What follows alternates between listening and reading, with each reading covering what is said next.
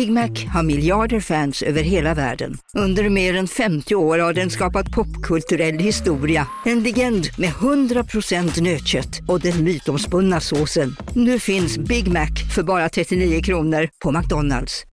Ni är med om det största. Och det största är den minsta. Ni minns de första ögonblicken. Och den där blicken gör er starkare. Så starka att ni är ömtåliga. Men hittar trygghet i Sveriges populäraste barnförsäkring. Trygg Hansa. Trygghet för livet. Som medlem hos Circle K är livet längs vägen extra bra. Just nu får du som ansluter dig 50 öre rabatt per liter på de tre första tankningarna och halva priset på en valfri biltvätt. Och ju mer du tankar, desto bättre rabatter får du. Välkommen till Circle K.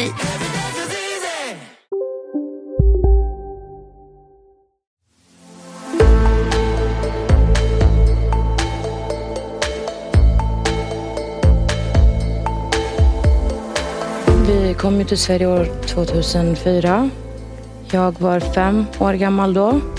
När jag tvinga, tvingades insjunkna i, i det här spelet så var jag tio år gammal. Barn har blivit grovt misshandlade eh, samtidigt som det har då varit tabu i Sverige att eh, lyfta frågan. Det var så oerhört infekterat, det var sånt massivt motstånd. Jag försökte på alla sätt men jag vågade inte gå ut offentligt. Jag var inne häromdagen och hittade hundratals artiklar när jag sökte på apatiska barn och manipulation från den här tiden. Så någon tystnadskultur, det, det fanns faktiskt inte. En symbol för en kall och omänsklig flyktingpolitik. Det var så de apatiska barnen tidigare ofta beskrevs av läkare och i media. Idag handlar beskrivningarna snarare om oro för att det handlat om barnmisshandel och om hur det här kunde fortgå utan att ansvariga grep in. Vad hände med frågan om de apatiska barnen? Du lyssnar på Kvartal Djupet. Jag heter Magnus Thorén. 2019 publicerades i tidskriften Filter ett reportage där två personer, Anna Hitt och Nermin, vittnade om hur de av sina familjer tvingats spela sängliggande och okontaktbara för att öka chansen att få stanna i Sverige. Artikeln orsakade stor debatt där flera läkare gick ut och vittnade om hur de av rädsla för att framstå som rasister inte vågat berätta om vad de länge ansett som eh, uppenbart. Nu har det snart gått fyra år. Finns det fortfarande apatiska barn i Sverige? Vilken hjälp får de av sjukvården? Och är frågan fortfarande laddad. I det här går vi på djupet idag med hjälp av Carl Salin, barnneurolog vid Astrid Lindgrens barnsjukhus i Solna. Ingrid Segerberg, specialist i barn och ungdomsmedicin vid Akademiska barnsjukhuset i Uppsala. Och Johanna Dahlström, överläkare i barn och ungdomsmedicin vid Falu lasarett. Ingrid Segerberg, apatiska eller barn med uppgivenhetssyndrom. Hur kom du i kontakt med den frågan första gången? Ja, det var under min specialisttjänstgöring och jourtjänstgöring då. Ehm, jag jobbade på ett litet sjukhus i Hudiksvall och eh, där så förekom det då och då sådana här barn och ehm, jag stötte på alltså på dem som enstaka fall då. Och eh, för den som inte vet, eh, vad handlar den här diagnosen om rent medicinskt? Ja, det har ju varit väldigt oklart, men eh, symptompresentationen har ju varit ett barn som eh, får eh, ångestproblem, blir nedstämd och successivt drar sig undan från, från livet och till slut hamnar i ett komaliknande tillstånd. Eh, det först var det ju ganska oklart vad det vad det rörde sig om men till slut blev det en ganska tydlig symptombeskrivning. Så att när de kom till akuten så var diagnosen i princip klar redan när de kom. När började du förstå att det här var en laddad fråga? Ja, redan första barnet jag träffade. Ehm, och det här var runt 2011 ehm, och ehm, 2012 kanske. Och jag hade ju varit student när ehm, debatten var stor så jag hade bara hört lite grann, jag var inte insatt. Men det första barnet jag träffade var helt klart inte sjukt. Eh, det visade alla tecken på att ligga och blunda aktivt och föräldrarna eh, pressade på ganska hårt. Och jag märkte att vi, vi eh, det, det, påverkade inte vår handläggning. I andra fall så påverkar ju det handläggningen att vi ser att föräldrarna är problematiska i, i symptombeskrivningen. Men i just det här fallet gjorde det inte det. Och vad tänkte du om det då? Mm, jag förstod att det var en laddad fråga. Och jag eh, pratade med en kollega som jobbade en hel del med de här barnen som är en otroligt klok kollega och lite i skymun, eller liksom när man inte var i grupp så sa jag, men du, det här kan ju inte stämma. Och så hade han en väldigt klok förklaring för att jo, det stämmer, så här sänkta i reflexmönster kan inte barn vara, att symptombilderna är olika. Och sen så inte långt därefter så träffade jag ett barn som, som faktiskt var eh, sänkt på ett vis som jag absolut inte kunde förklara. Det, det visade inga tecken på att, att eh, simulera eller så, utan otroligt sänkt, reagerade inte alls på adekvat sätt vid reflexundersökning och så. Så, så, att, så jag var perplex inför frågan. Men sen så var jag med på en patientkonferens och det var både barnmedicin, det var barnpsykiatri och socialtjänsten. Och eh, då lite i en bisats så nämndes en från hemsjukvården att, att den hade sett barnet uppe gående i fönstret men att barnet hade varit nerbäddad och okontaktbar när hon kom in. Och det som var väldigt symptomatiskt var att det faktiskt inte...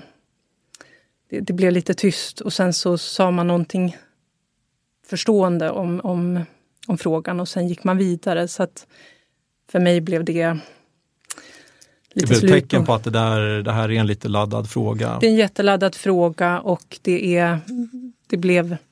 För mig slutade det med synpunkten, eller slutsatsen att eh, det är familjer i oerhört utsatta situationer. Det är barn som har bott många, många år i Sverige och att det, det är en sån utsatthet så att, så att vi som vård har landat, eller hade landat i någon slutsats att det var bättre att, eh, att hjälpa den här, den här familjen och barnet att få stanna och att det på så vis blev bra för barnen. Det var för en god sak helt enkelt? Det var för en god sak och vi hade, jag hade inte, och jag tror ingen faktiskt hade tanken på att det rör, kunde röra sig om eh, eh, barnmisshandel eller barnskyddsfråga. Mm. Som vanligt så har vi med en eh, lyssnarpanel också. Idag så är det du, Mikael Virén, med oss från Madrid. Vad gör du där? Ja, hej. Jag här, här är jag en egenföretagande ekonom med eh, orientering som största intresse i mitt liv. Ehm, och eh, givetvis väldigt intresserad av alla frågor gällande Sverige. Jag har bott i 34 år utomlands, ehm, vilket är en ganska lång tid. Ehm, långt innan den här frågan med apatiska barn uppkom. Och Eh, jag finner det väldigt intressant att följa med i vad som händer i Sverige och det här är utan tvekan en intressant fråga som till viss del eh, spelar an på andra eh, saker i Sverige som har hänt under de åren som jag har bott utomlands. Ja, vad tänker du på då? Nej, jag tänker till exempel på, på hur man eh, ser på kunnande och expertis och, eh, och känslor. Och där känslor många gånger, i alla fall som jag ser det, eh, har fått väldigt mycket utrymme i, i den svenska debatten. Eh, och där, där kunnande och eh, expertis kanske får ibland stå tillbaks lite och att man också kanske inte riktigt vågar eh, sticka ut huvudet. För att man då kan bli ja, utsatt för olika saker. Är det inte likadant i, i Spanien då? Nej, jag skulle inte säga det. Jag, visst finns det tendenser här också, speciellt inom politiken så är det ju så att man måste vara försiktig ibland. Men, men jag har inte alls samma känsla av, av det i, i Sverige eller Spanien idag. Det har jag inte. Det är möjligt att det kan komma, men eh, det är inte riktigt samma situation. Mm. Du får komma in senare i programmet också såklart. Mm. Carl Salin, när dök det här upp för första gången? I Sverige? Det som jag har kunnat finna är att det första fallet fanns under 1998 i norra Sverige. En, en, barnläk, en barnpsykiater där som heter Lars Joelsson som eh, har beskrivit det fallet eh, som följdes av flera andra fall i samma område. Och hur många barn kan det hittills ha handlat om ungefär? Det där är svårt att veta exakt såklart, men eh, vad brukar man prata om?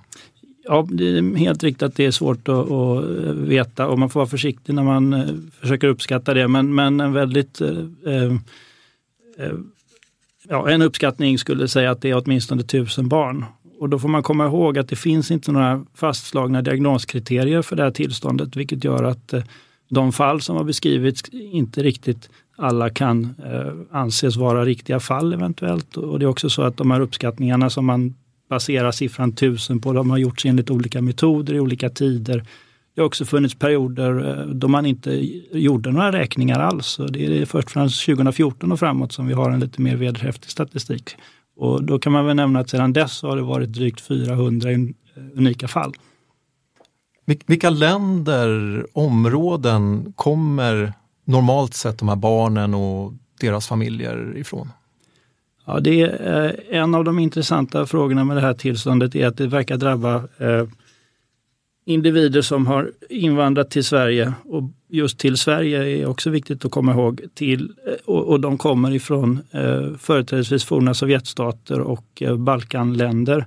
Eh, det finns undantag men de är få. Det finns i stort sett inga barn från Afrika till exempel trots att eh, Eh, trauma som har ansetts vara en viktig bidragande orsak till det här tillståndet har varit vanligt hos invandrargrupper som kommer från Afrika men likväl så insjuknar de inte i, upp, i uppgivenhetssyndrom i Sverige. Anna Hitt, hon var tio år när hennes pappa tvingade henne att spela apatisk enligt vad hon själv berättar. Och hon berättade om det här i magasinet Filters reportage 2019 och samma år ställde hon upp på en eh, intervju med Malou von Sivers i TV4. Och vi ska höra ett utsnitt ur den. Jag kommer ihåg att det kom eh, folk på besök varje måndag tror jag det var. Vägde, mätte, kollade puls och blodtryck och jag kommer ihåg mitt hjärta slog så snabbt. Den, alltså min puls var på 130. Och det, varför? Kommer du ihåg varför? För att jag var, jag var rädd att avslöja mig på något sätt. Uh, jag var rädd för vad som skulle hända om jag gjorde det. Jag var rädd för att uh, bli slagen. Uh, och jag kommer ihåg att jag hade gått upp något hekto en gång när de vägde mig. Och då såg jag ett sken liksom på sköterskans ansikte. Hon bara, hon har gått upp liksom framsteg bra. Och liksom i ögonvrån jag såg min pappas... Hela hans energi liksom svämmade över mig. Och jag visste liksom att så fort den här sköterskan, alltså så fort de skulle gå så skulle jag, jag skulle få stryk. För att jag hade misslyckats med någonting. Och eh, ja, det var ett helvete. Fick du stryk? Ja. Johanna Dahlström, överläkare i Falun. Eh, Anna Hitz som vi precis har lyssnat på. Jag vet inte, minns du när eh, de här vittnesmålen dök upp för några år sedan? Ja, absolut. Eh, det minns jag mycket väl. Jag läste ju reportagen och var ju direkt berörd naturligtvis eftersom jag eh, sedan ett par år ungefär hade försökt att borra mig in i den här frågan och försökt bilda mig en uppfattning om så att när de här vittnesmålen kom och de här beskrivningarna, det finns ju ingen som kan lyssna på de här reportagen utan att bli extremt väldigt berörd eh, på djupet eh, av det. Så att absolut, jag hörde det när det, när det blev aktuellt. Jag ställer samma fråga till dig som jag ställt tidigare här. Eh, minns du ditt första möte eller hur du kom i kontakt med den här gruppen barn första gången? Eh, det var i början på 2016 där jag blev skickad som representant för den barnmedicinska kliniken till ett samarbetsmöte därför att eh, utgångspunkten för det mötet var att patientsäkerhetsfall som hade blivit, kommit i dagen där man hade beskrivit en eh, pojke med diagnosen uppgivenhetssyndrom som hade varit liggande i hemmet utan någon i princip tillsyn alls eh, under en väldigt lång period. Eh, och det här hade uppmärksammats och man sa från centralt håll att så här dåligt får vi inte behandla eh, människor, och i synnerhet barn i Sverige, utan nu får barnmedicin och barnpsykiatrin sätta sig vid ett bord och eh, samarbeta tills ni har hittat en lösning på hur vi ska hantera de här barnen. Så att det var min utgångspunkt, att jag kom som representant i en patientsäkerhetsfråga då 2016. Eh, I samband med det så eh, att säga att man fascineras är kanske ett svårt ord för det finns någon positiv laddning i det men jag blev åtminstone i egenskap av barnläkare väldigt eh, engagerad i och intresserad av vad, vad handlar det här om? För jag hade inte haft så mycket kontakt med det här innan mer än att jag hade hört sporadiska beskrivningar av det men, men inte hade haft någon personlig kontakt. Så att det var någonting i samband med det här stora samarbetsprojektet som inleddes då som gjorde att jag valde att eh, engagera mig i patientgruppen och eh, från därifrån och då bestämde mig för att centralisera alla barn i Region Dalarna med diagnosen uppgivenhetssyndrom till mig i Falun. Att istället för att de skulle gå på olika mottagningar ute i länet och träffa olika doktorer så skulle jag träffa alla barn, alla familjer och försöka komma djupare in i vad det här handlade om. Så det, var min, det var min ingång. Och Tyckte du att du kom djupare in i frågan på det sättet?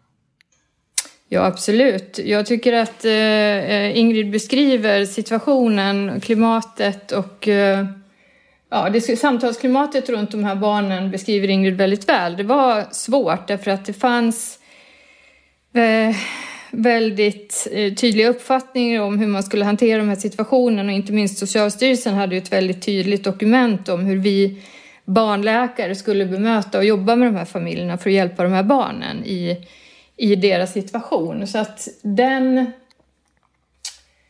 eh, den uppfattningen var eh, tydligt liksom uttalad.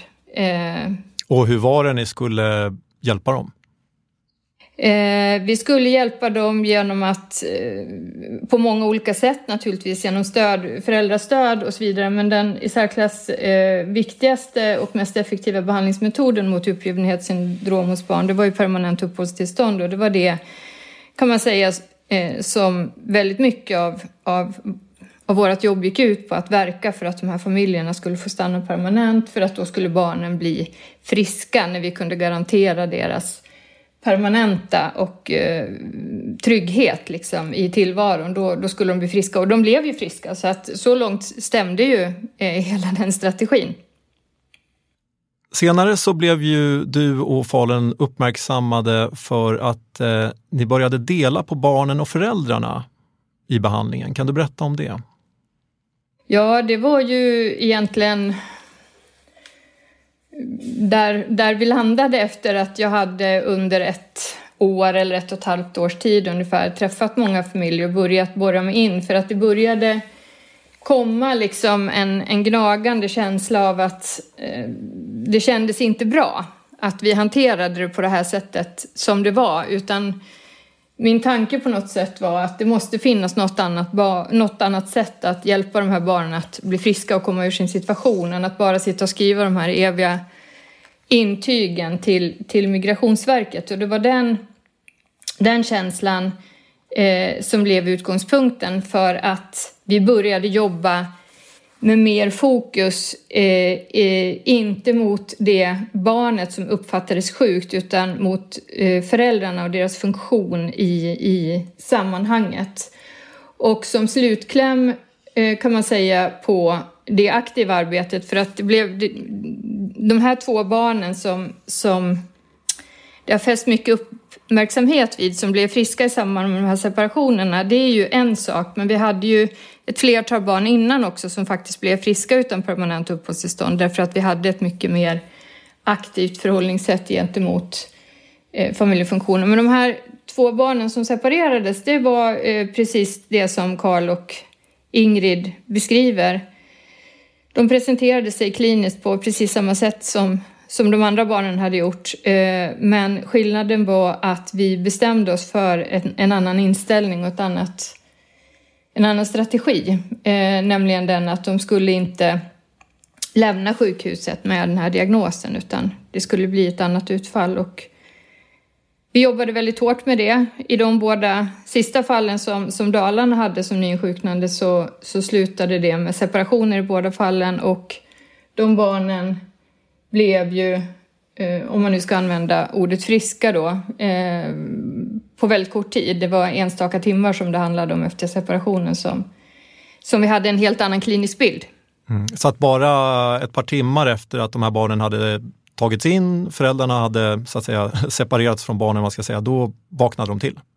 Nej, utan vi hade dem, eh, vi tog in, de kom in på akutmottagningen, presenterade sig på det här viset. Vi använde ett par, tre dygn åt att kartlägga funktionen eh, i, i familje och föräldrasituationen och kunde på de här dygnen som det tog då, ett par dygn, eh, komma fram till att vi hade en föräldrasituation som inte var gynnsam för att barnet skulle bli friskt och därför valde vi att agera på det och det är väl det som är barnskyddsfrågan i det här sammanhanget då. Så att ett par vårddygn med kartläggning av, av den situationen som sedermera ledde fram till att vi gick vidare med då en separation efter ett par, tre vårddygn.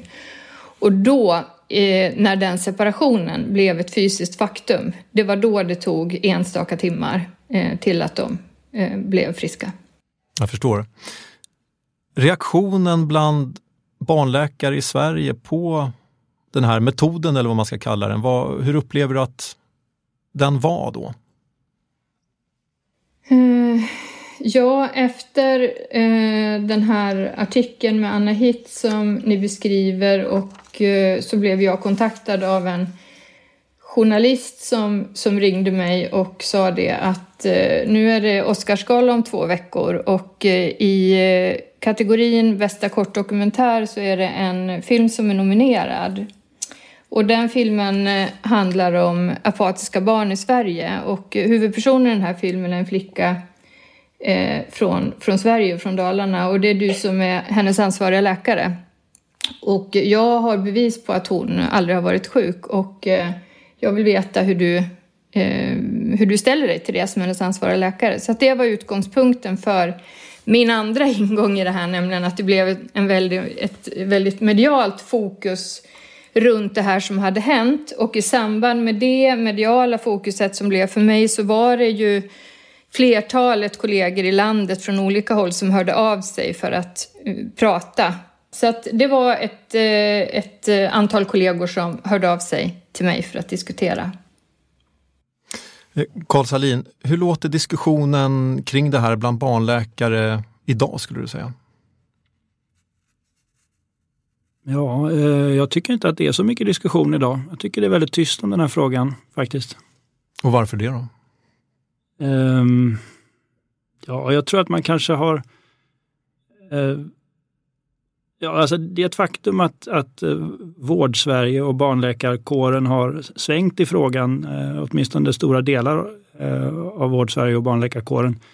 Och man kanske vill distansera sig mot tidigare uppfattningar och handläggning av de här barnen och eh, det kanske är ett skäl. Ett annat skäl är nog att det är väldigt ont om de här barnen nu. Det finns väldigt få fall. Eh, de senaste siffrorna som jag kom i kontakt med från Socialstyrelsen var ju eh, väldigt få fall, mindre än fem eh, under, sena, under förra året, ny, nya, nya fall. Så det är på så sätt inte ett jättestort kliniskt problem i dagsläget. Det kan vara ett skäl också. Mm. Och varför kan man tänka sig att det är så få fall? Ja, det är en, en väldigt intressant fråga och eh, eh, om man ska gå tillbaks lite så eh, kan man notera att av, under de åren där det finns bra statistik så var 2016 det året med mest barn eh, nyinsjuknade och efter det så har man sett en väldigt eh, markant minskning. Då. Det var över 100 fall det året har för mig och nu var vi som sagt nere på under fem. Och det, det hände någonting 2016. Eh, eh, det hände flera saker. En sak var att Migrationsverket ändrade på sitt eh, hanterande av det här tillståndet som ett skäl för att få uppehållstillstånd och det räknades, kom att räknas mindre än vad det hade gjort innan. Det var också så att man svängde från temporära, eller förlåt, från permanenta till temporära uppehållstillstånd. Vilket man skulle kunna resonera kring att det ändrar incitamentet för att Eh, så att säga bli sjuk på det här viset för att eh, eh, få ett uppehållstillstånd.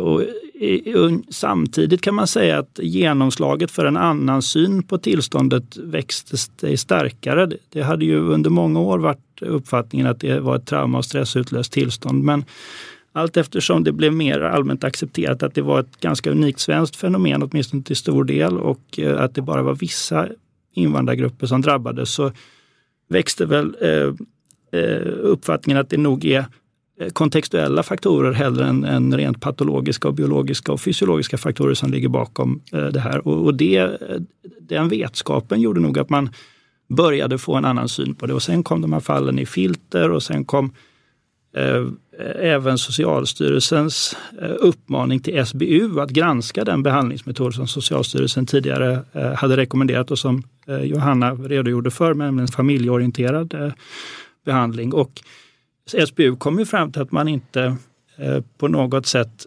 hade stöd för den och Socialstyrelsen kom sen att ändra sin behandlingsrekommendation, eller man drog tillbaka den rättare sagt. Och, och sen kom de fallen som Johanna redogjorde för och sen kom också fall ifrån det här behandlingshemmet Solsidan som vi granskade i en forskningsartikel där vi kom fram till att om man eh, separerade familjerna från barnen eh, och inte gav dem uppehållstillstånd, då blev de friska. Men det motsatta gällde om man inte separerade dem och gav dem uppehållstillstånd, vilket var en paradoxal eh, ett paradoxalt fynd i relation till den syn man hade haft innan.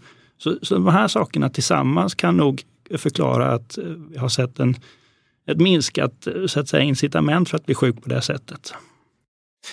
Ingrid Segerberg, eh, läkarkåren har man gjort upp med den här frågan idag på något sätt? Eh, inte tillräckligt mycket tycker jag. Jag har pratat med väldigt mycket barnläkare och framförallt eh, sådana som jag är eller har varit kollega med. Och, eh, eh, man kan säga att för de flesta barnläkare har ju det här inte varit en stor fråga. De som har hörts medialt har ändå varit en ganska liten grupp. Ehm, eh, utan det här, de flesta barnläkare har ju någon enstaka gång stött på det här. Men, och, och framförallt att det är en... Eh, ja, men det, det fyller alla med, med, med ja, både medkänsla och obehag. Um, och de flesta man pratar med har ju haft liknande, eller något, uh, någon erfarenhet som legat där och skavt. Och de flesta är ju nöjda när man pratar med att, att policy har ändrats. Eh, och att de här barnen i princip, eller de här patientgruppen nu nästan inte finns. Men det är inte så många som vill göra upp med vad som har varit. Jag har tyckt till exempel att Barnläkarföreningen, de borde, de borde på något vis uppmärksamma den här utvecklingen eller uppmärksamma din studie eller så. Men det, det, det, det, det, det, är liksom svårt att få till och jag, jag kan inte riktigt uttala mig om, om varför. Nej, Barnläkarföreningen uppfattades åtminstone utifrån som några som drev på en hel del när det gäller det här tillståndet och bland annat då att uppehållstillstånd och, och så att säga, flyktingpolitiken var en viktig del i, mm. i behandlingen. Men det var en, en liten grupp inom Barnläkarföreningen som ju är, är fristående men absolut har de tillåtits prata i, i hela eh, Barnläkarföreningens namn. Finns det ett ointresse på något sätt att göra upp med det här? Jag, jag tror att det finns ett o... ja, att man drar sig från det. För att det, det, är fortfarande... Det går inte att komma ifrån att det här är familjer med väldigt mycket sämre förutsättningar i livet än alla andra i Sverige. Alltså det, det, är, det, det är familjer under tuffa förhållanden och att det finns ju en, en liten känsla fortsatt kvar av att liksom sparka neråt genom att uppmärksamma Mm. Det här. Johanna Dahlström, idag om eh, ett barn skulle komma in med och, och vara då apatiskt, hur skulle behandlingen se ut?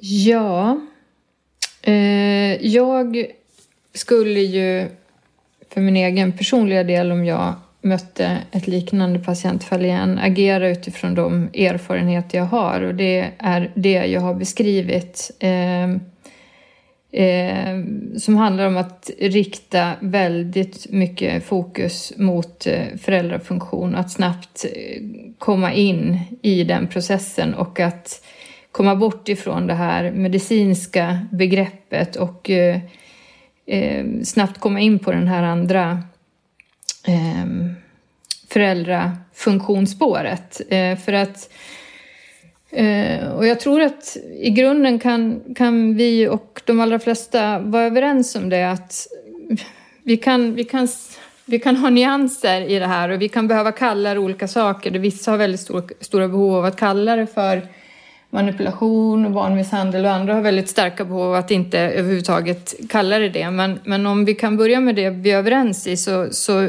är den utgångspunkten för mig att det här är i grunden friska barn som blir sjuka av sin miljö. Och så långt tror jag att i princip alla är överens. Och då är det liksom där vi måste rikta all vår energi eh, emot det. Så att det är min alldeles eh, fullkomligt eh, starka övertygelse att det är dit min erfarenhet kommer att bära mig. Det är bäst tillgängliga evidens eh, i alla fall tillsammans med Karls studier förstås som, som leder mig dit. Mm. Carl Salin, Socialstyrelsen drog tillbaks de här tidigare riktlinjerna för behandling där man bland annat talade om uppehållstillstånd, att det var viktigt och så. Eh, de har dragit tillbaks dem, men det har inte kommit några nya. Man har inte heller tagit avstånd, vad jag förstår då, från de här gamla, eller? Nej, det har man nog inte gjort, eh, så vitt jag vet. Och eh, om man ska se på Socialstyrelsens roll så tror jag egentligen inte att det är så konstigt. De har ju uppgiften att eh, vägleda professionen i vissa sammanhang men, men de gör ju ganska klart för sig att det är upp till professionen att fram, ta fram den kunskap som behövs för att eh, eh ja, eh, eh kunna handlägga olika patientgrupper. Och eh, det finns inte så hemskt mycket kunskap om eh, vård av barn med uppgivenhetssyndrom som kan ligga till grund för en, en, en, en rekommendation som skulle, eh, ja, som skulle vara Socialstyrelsens uppgift egentligen att, att eh, ta fram, utan det ligger nog på oss inom den medicinska professionen att eh, på bästa sätt själva eh, bestämma hur vi vill hantera de här fallen. Vi behöver nog inte en myndighets hjälp för det, tror jag.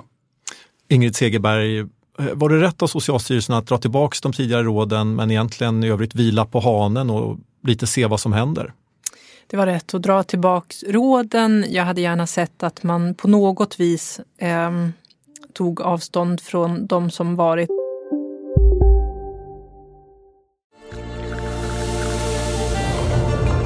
Välkommen till Maccafé på utvalda McDonalds restauranger med Baristakaffe till rimligt pris. Vad sägs om en latte eller cappuccino för bara 35 kronor? Alltid gjorda av våra utbildade baristor. Hej Sverige! Apoteket finns här för dig och alla du tycker om. Nu hittar du extra bra pris på massor av produkter hos oss. Allt för att du ska må bra. Välkommen till oss på Apoteket. Hej, Synoptik här. Livet med glasögon ska vara bekymmersfritt. Därför får du 30% på alla glasögon när du väljer Synoptik All Inclusive. All service ingår alltid. Välkommen till Synoptik. Eller, ja.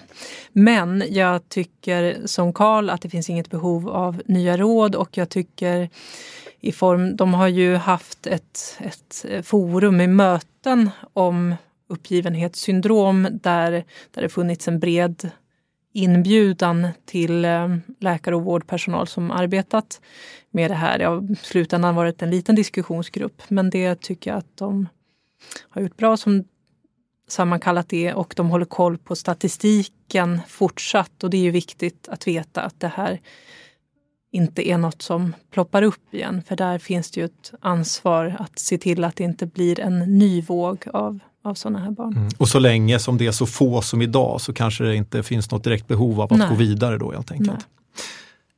Mikael Wirén, du har suttit och lyssnat från eh, Madrid. Några tankar? Ja, eh, jag tycker väl att eh, Ingrid nämnde någonting och talade lite om de grupper som var med och eh, kanske kom med synpunkter i, i början av den här processen. Och eh, det var väl en fråga som jag ställde mig innan programmet. Eh, vilka personer och institutioner som var med och, och arbetade fram den här eh, analytiska processen och eh, också eh, ledde till att det kom en vägledning från, från Socialstyrelsen. Så det tycker jag är en, en, en fråga som i alla fall jag, jag ställer mig. Sen en annan och den har ju med att göra med det som Johanna nämnde eh, gällande miljö. Eh, vi är ju eh, i Sverige är vi väldigt måna om att vi ska vara goda och eh, det är väldigt bra att vi, vi försöker hjälpa människor som har det svårt och, eh, och så. Men samtidigt så är Sverige inte ett jättestort land heller, 10 miljoner invånare och idag då. Eh, och min fråga är då också, har Sverige kapacitet att integrera och ta hand om så många människor som kommer utifrån Eh, Eh, med olika bakgrunder och hur lotsar man, hur lotsar man in de här personerna i samhället? Och, och då eh, gällande miljö så är tanken då eh, vilken kontakt får barnen i, i, i, i när de kom, kommer till Sverige? Får de, vilken kontakt har de i skola? Eh, utövar de någon idrott? Spelar de musik? Eller, eller hur ser deras miljö ut? Ja, du tänker på eh. de här som sen söker, som blir apatiska, vad de har haft för bakgrund lite grann när de har kommit till Sverige och hur de har ja. levt. Vi, vi, tar den sen då. Vi, vi börjar mm. med Ingrid här. Jag uppfattar det som att eh, Mikael frågar om de här riktlinjerna som Socialstyrelsen tidigare eh, gav ut. Vilka stod bakom dem? Eller hur arbetades de fram? Vet du det? Det är innan min tid egentligen. Eh, men, men det har ju varit eh, eh namnkunniga läkare som, en grupp namnkunniga läkare som har haft ett stort engagemang på det här och haft en stor påverkan på frågan. Mer än så kan jag inte säga riktigt. Karl Salin, vill du fylla i? Ja, eh, de, de riktlinjer vi talar om nu, de eh, formulerades i något som kallas för en vägledning som Socialstyrelsen gav ut, jag tror det var 2013, eh, inte helt säker på årtalet. Och den, den gjordes ju efter en intern process på Socialstyrelsen där man hade bjudit in eh, personer som sysslade med barn med uppgivenhetssyndrom. Eh, eh, och så formulerade man den här skriften på drygt 100 sidor. Men det är viktigt att eh, komma ihåg att de slutsatserna som, som formulerades där, de var ju långt mycket äldre än att det var eh, någonting nytt som man kom på då. Jag skulle säga att redan på tidigt 2000-tal så, så började man formulera en policy mer eller mindre eh, eh, medvetet för hur de här barnen skulle tas om hand. Och det, på den tiden fanns det otroligt, eh, en otrolig polarisering kring vad man borde göra med de här och det fanns redan då uppfattningen att det här var ett icke-medicinskt tillstånd och att eh, eh var väldigt vanligt. Och, och sen fanns det den andra sidan där man helt tog avstånd ifrån det. Och de här två grupperna kunde ju egentligen aldrig mötas i en gemensam verklighetsbeskrivning utan de hade helt olika uppfattningar. Och segrande ur striden gick eh, den gruppen som eh, hade uppfattningen att det är tidigare trauma och stressen av att söka uppehållstillstånd som orsakar tillståndet. Och man kan säga att den formulering, de formuleringarna som står i Socialstyrelsens vägledning, de har sin, sin botten eh, redan i, i, eh, i den debatten som fördes då, så det går långt tillbaka. Du lyssnar på Kvartaldjupet om de apatiska barnen och även om debatten rört sig i den här frågan så finns det också de som fortfarande menar att det här tillståndet är på riktigt och att de fall där barnen manipulerats eller tvingats att det rör sig om eh, undantag. En som engagerat sig länge i den här frågan det är den pensionerade läkaren Elisabeth Hultkrantz. Hon har mött och hjälpt många eh, apatiska barn och deras familjer under många år. Och för några veckor sedan träffade jag henne på ett eh, café i Stockholm. Vad skulle du säga är själva grunden till att man insjuknar i det här? Vad är det för faktorer som krävs för att ett barn ska hamna i det här tillståndet? Det har ju kallats för uppgivenhetssyndrom och det är ju när ett, en, en ett barn, ofta en, en tonåring, ger upp hoppet om att det här ska gå bra så att säga. Det här, de kommer, föräldrarna, det har hänt hemska saker i hemlandet.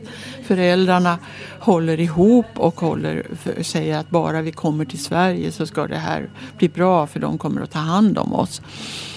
Och eh, så och sen i Sverige då, oavsett om det är det här långdragna förloppet som jag oftast har sett att först har de sökt och sen har det dröjt ett och ett halvt år innan de har fått svar. Och, eh, och då har det blivit ett negativt svar och då blir barnen väldigt besvikna på föräldrarna också. För att eh, ungefär, ni lovade ju ungefär att det här skulle gå bra och så går det inte bra. Men då håller föräldrarna, vi kan överklaga, det finns möjlighet och sen har det många under en lång period här så har det tagit ytterligare ett år innan det här överklagandet har gått igenom. Men, eh, och då blir ju barnen successivt mer, mer och mer uppgivna under den här perioden. Framförallt om det är barnen som har fått vara med och tolka på, på vid de här myndighetskontakterna och sånt där. Det har, det har hänt alltså. Och barnen får ju också, det är också en sån här väldigt chock när barnen, för barnen har ju lärt sig svenska under den här långa processtiden.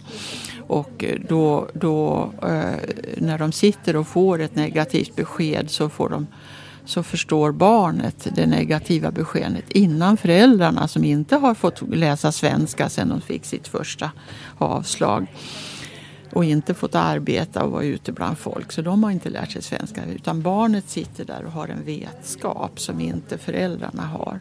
Och sen får de höra det på, genom tolken en gång till. Och då ser de föräldrarnas reaktion. Och det har varit en väldigt besvärlig situation för barn.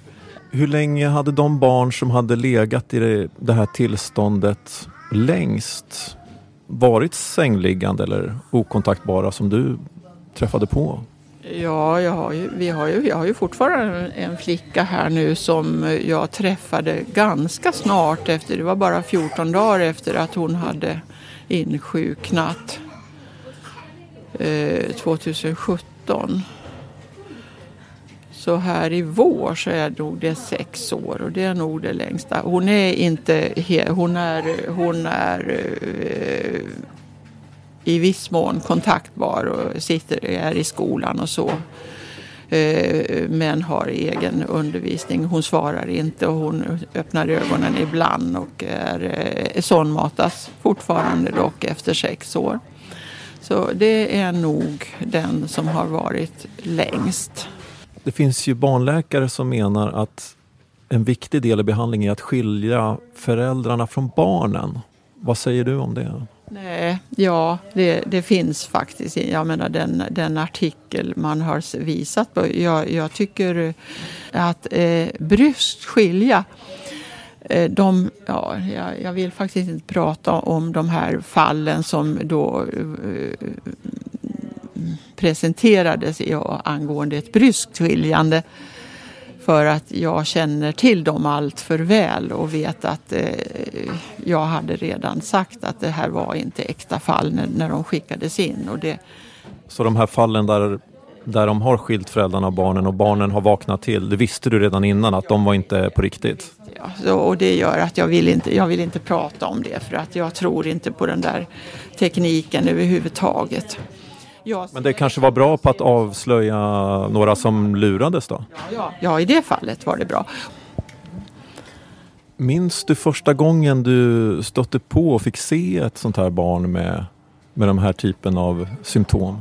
Det, det, var ju en, en, helt omstörtande upplevelse. Jag hade varit på någon slags kvinnolitteraturseminarium och råkade överhöra vid en lunch om ett par kvinnor som satt där som skulle åka iväg till ett, till ett gömt eh, flyktingbarn som var apatisk. Och, eh, och då frågade jag om jag fick hänga på eftersom jag var intresserad. För att några sådana barn hade jag inte sett på Läkare i världens mottagning utan det var vanlig allmän sjukvård som jag hade sett där. Och när, jag, när vi kom till det här stället så flickan eh, fanns inte i den bullriga familj som vi kom in i utan hon hade blivit placerad hos eh, några, eh, några grannar i ett annat hus som, för de hade ett extra rum där det skulle vara lite lugnare som det var för henne. Så vi gick över dit så småningom och jag fick ensam gå in i det här, ett litet smalt rum där den här flickan låg. Och jag minns det som en eh, film så att säga, att jag minns det helt bildmässigt för det var ju alldeles tyst i, i rummet, absolut tyst. Och ljuset föll in, jag minns precis hur, hur hela scenen var och där låg flickan med välkammat utslaget hår. Och, eh, och jag såg att hennes ögonlock, ögonfransar rördes. Det var det enda som rördes. Annars så såg man inte ens hennes andningsrörelser. Men jag satte mig bredvid den där flickan och kunde så småningom känna hennes andning så att säga, känna den i min egen kropp. Och allting störtade om. Jag börjar nästan gråta nu när jag, när jag bara, för att jag återupplever den där den där våldsamma känslan i att vad, vad är det här för någonting? Vad, vad? Och här sitter jag 13 år senare och nästan gråter över det. Och över att jag fortfarande inte vet annat än att jag vet så hemskt mycket mer om allt lidande som de här barnen har gått igenom. Först i hemlandet och sen i Sverige.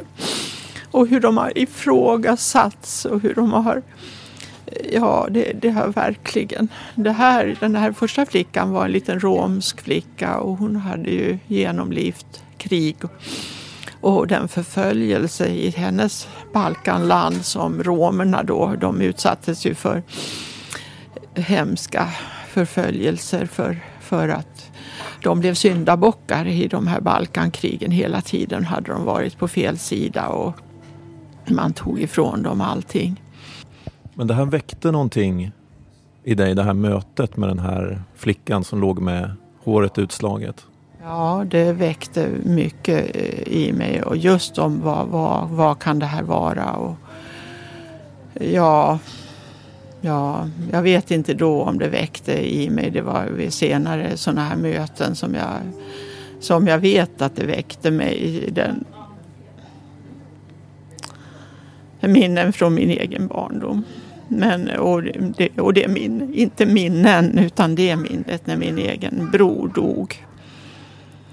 Och inte var död än, utan han hade fallit ner från ett träd och han låg på marken. Och, åtta år. Och jag var fyra år. Jag var inte ens fyra. Jag var alltså inte riktigt fyllda fyra. Men ett sånt starkt minne från barndomen, det är klart att det sätter jättedjupa spår. Jo, det satte ju spår för hela familjen och för resten av allas våras liv faktiskt. Det var ju då jag bestämde mig som treåring, eller fast jag inte kunde formulera det då, men att jag själv ville bli läkare för barn. För barn skulle inte behöva dö.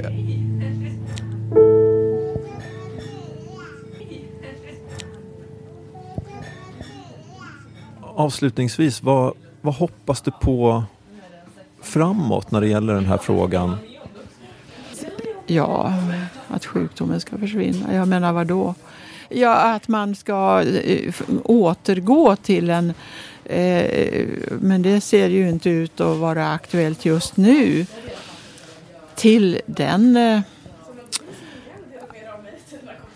attityd. In, för det handlade ju inte bara om de här barnen, det handlade om flyktingbarn överhuvudtaget. Som var eh, strax innan 2015. Så, en humanare flyktingpolitik? En humanare flyktingpolitik för de som vi ändå eh, har här så att säga.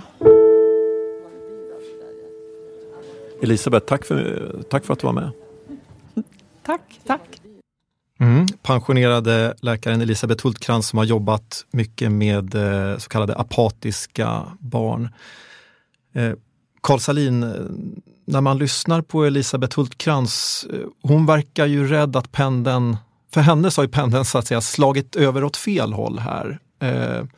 Det som har beskrivits i den här frågan att det var man fick bara tänka på ett sätt, det var svårt att ifrågasätta de här barnen. Finns det en risk att det svänger för mycket åt andra hållet så att säga. Att, eh, allt ska idag ses som att det är simulering och handla om uppehållstillstånd och sånt? Eh, ja, det tror jag finns en risk. Eh, eh, utifrån det perspektivet att eh, vi vet inte ännu eh, vad alla de här barnen har drabbats av. Eh, vi vet att det finns ett antal barn som har uppsåtligen, med eller utan sina föräldrars hjälp, simulerat sjukdomen och jag har sammanställt dem jag har kunnat hitta och det är, det är drygt 40 stycken.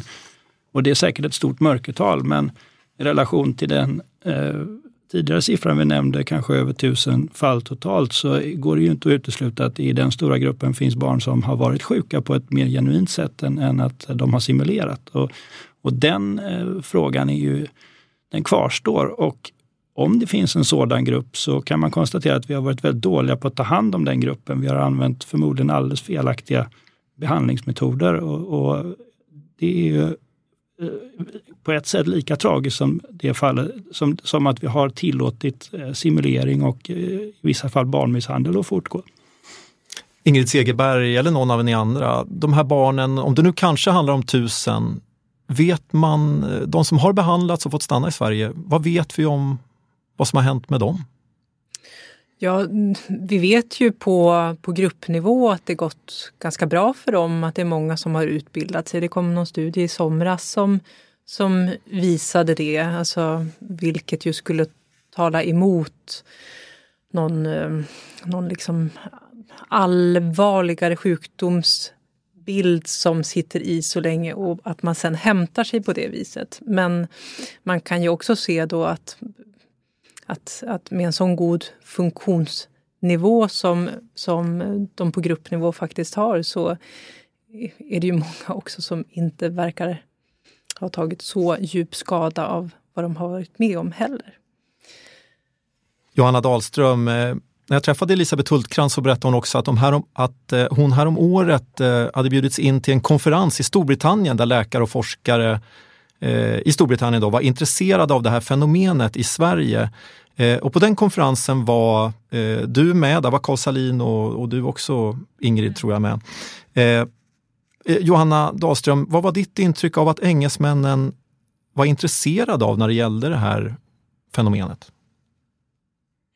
Eh, du får rätta mig om jag har fel Carl, för du är mer insatt i detaljerna. Men min uppfattning är att det var en engelsk, då, en brittisk forskargrupp som forskade på eh, funktionella neurologiska tillstånd generellt, inte bara hos barn utan generellt. Och att man hade då via en person i den här forskargruppen hört talas om eh, den här diagnosen i Sverige och då utifrån det funktionella neurologiska perspektivet blivit intresserade av vad det här handlade om.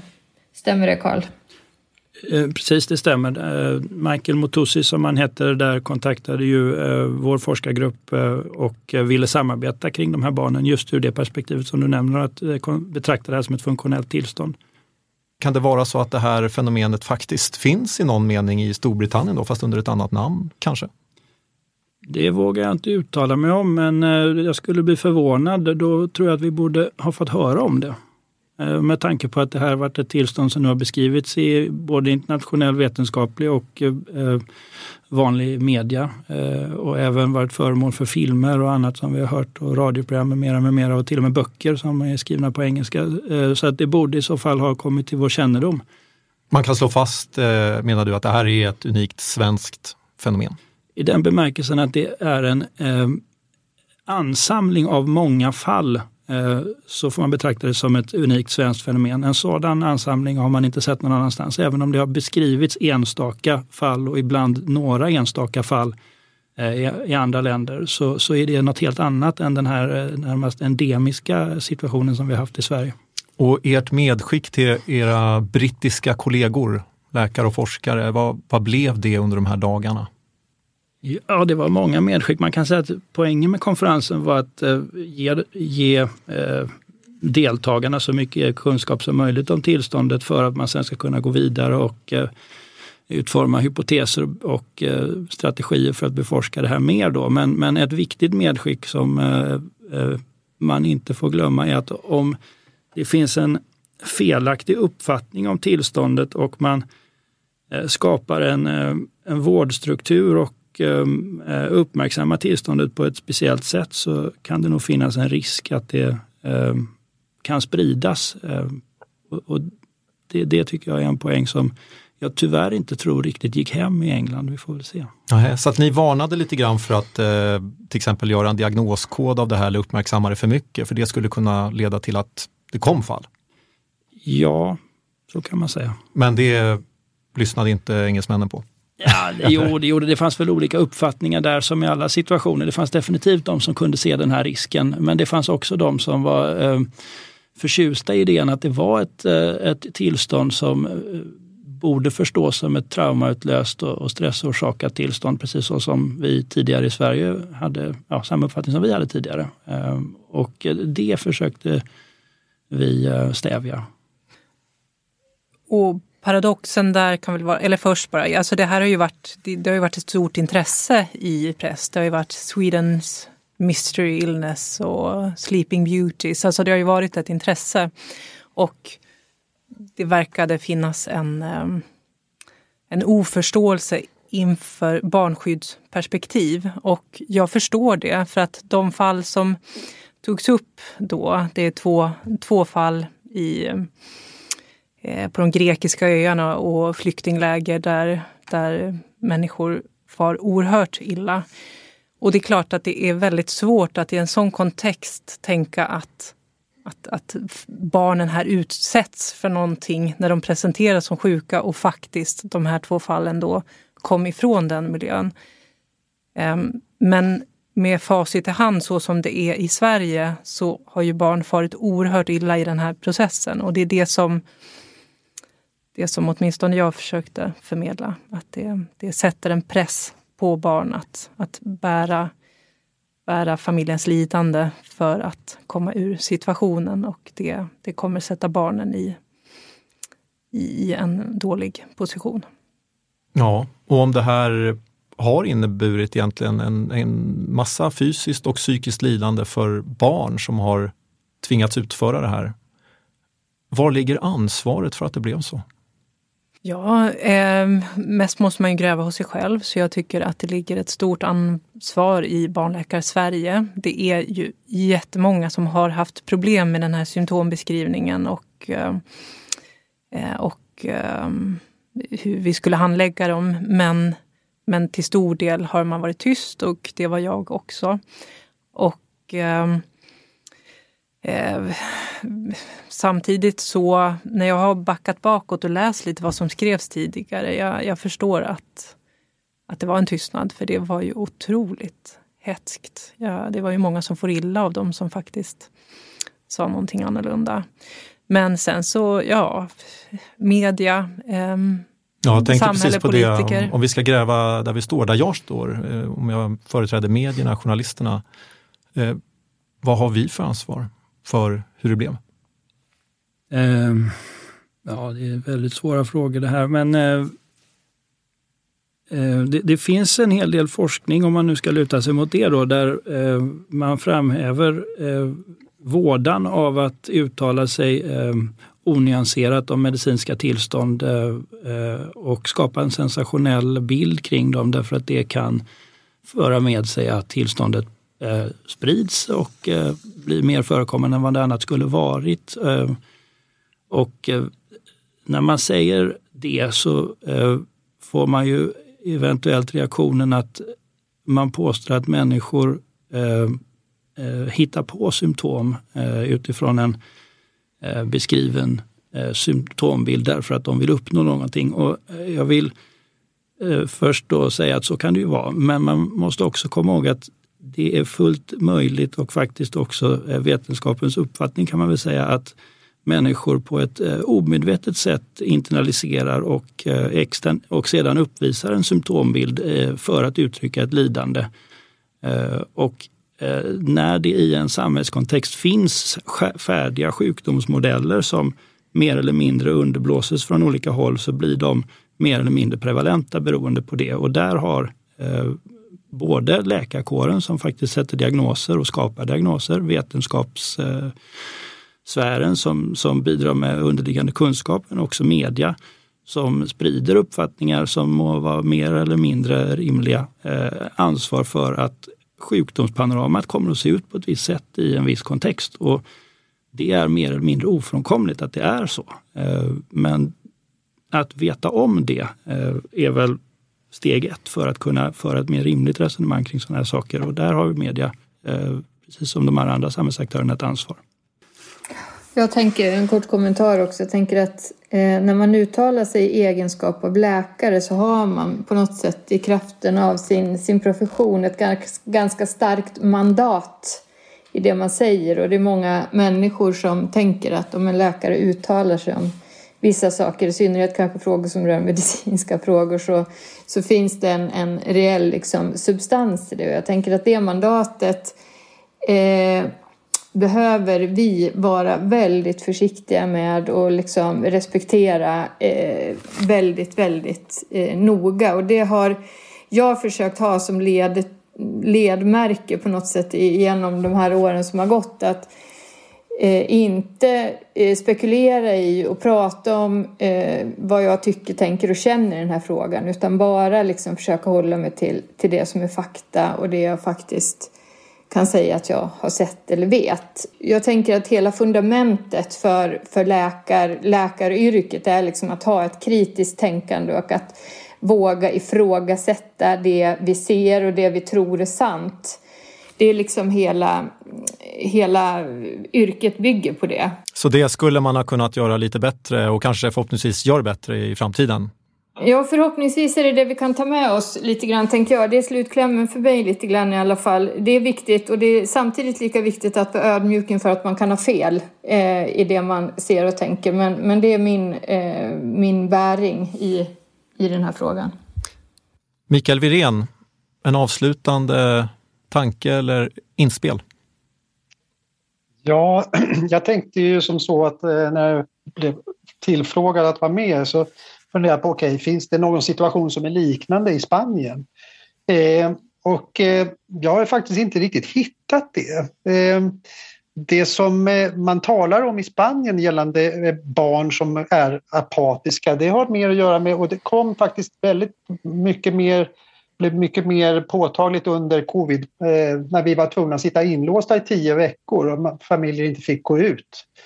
Eh, då var det en del barn som överstimulerade av videospel och paddor och annat, sociala nätverk och så, ja, blev ganska fastlåsta i det. Och, eh, mm. Sen bara en snabb reflektion med, med eh, vad Elisabeth nämnde om, för jag hörde att hon nämnde att det var en romsk familj. Eh, I Spanien så hade vi en situation där romer eh, satt och tiggde utanför butiker Eh, vilket också kanske har hänt i Sverige.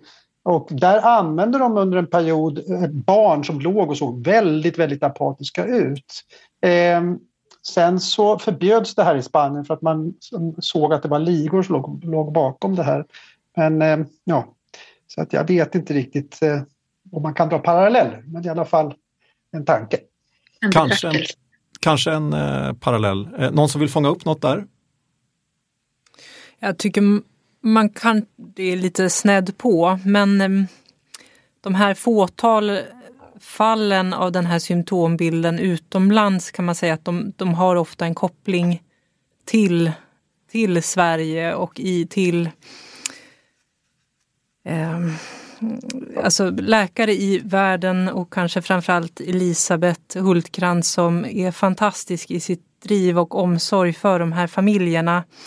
Men man kan säga att söker man så finner man. Ehm, och familjer som har i några fall då via Dublinförordningar blivit utvisade. Det, det, det är de fallen som jag har uppfattat att man ser i Europa. Och, Familjer som har blivit utvisade från Sverige då? Sen, ja, för skulle man ja. prata om den här frågan med dem så, så skulle sådana fall som kommer upp för att lite legitimera den bilden vi har sett i Sverige. Men jag, jag, som jag uppfattar så finns det i, i alla de här fåtal fall i Europa så finns det faktiskt en koppling till Sverige på ett eller annat sätt till dem. Alla spår leder till Sverige? Ja, det är Nästan. min uppfattning. Men jag, jag, jag kan ha missat några. Ja, eh, intressant spaning. Ingrid Segerberg, Carl Salin, Johanna Dahlström och lyssnarombudsmannen Mikael Wirén. Tack så mycket för att ni var med i Kvartaldjupet. Tack så mycket. Tack själv. Tack. Vill man fördjupa sig i de senaste årens diskussion kring apatiska barn så kommer här ett par lästips. Journalisten Ola Sandstig som också gjorde granskningen i Filter, han har skrivit boken De apatiska barnen och samhället som svek. Elisabeth Hultkrantz som intervjuades i det här avsnittet har skrivit boken Om dessa vore svenska barn. Och läsvärd är också Statens beredning för medicinsk utvärdering, SBUs genomgång från 2020 av forsknings och kunskapsläget i ämnet. Kvartaldjupet är tillbaka i slutet på april. Tack för att ni har lyssnat. Jag heter Magnus Thorén.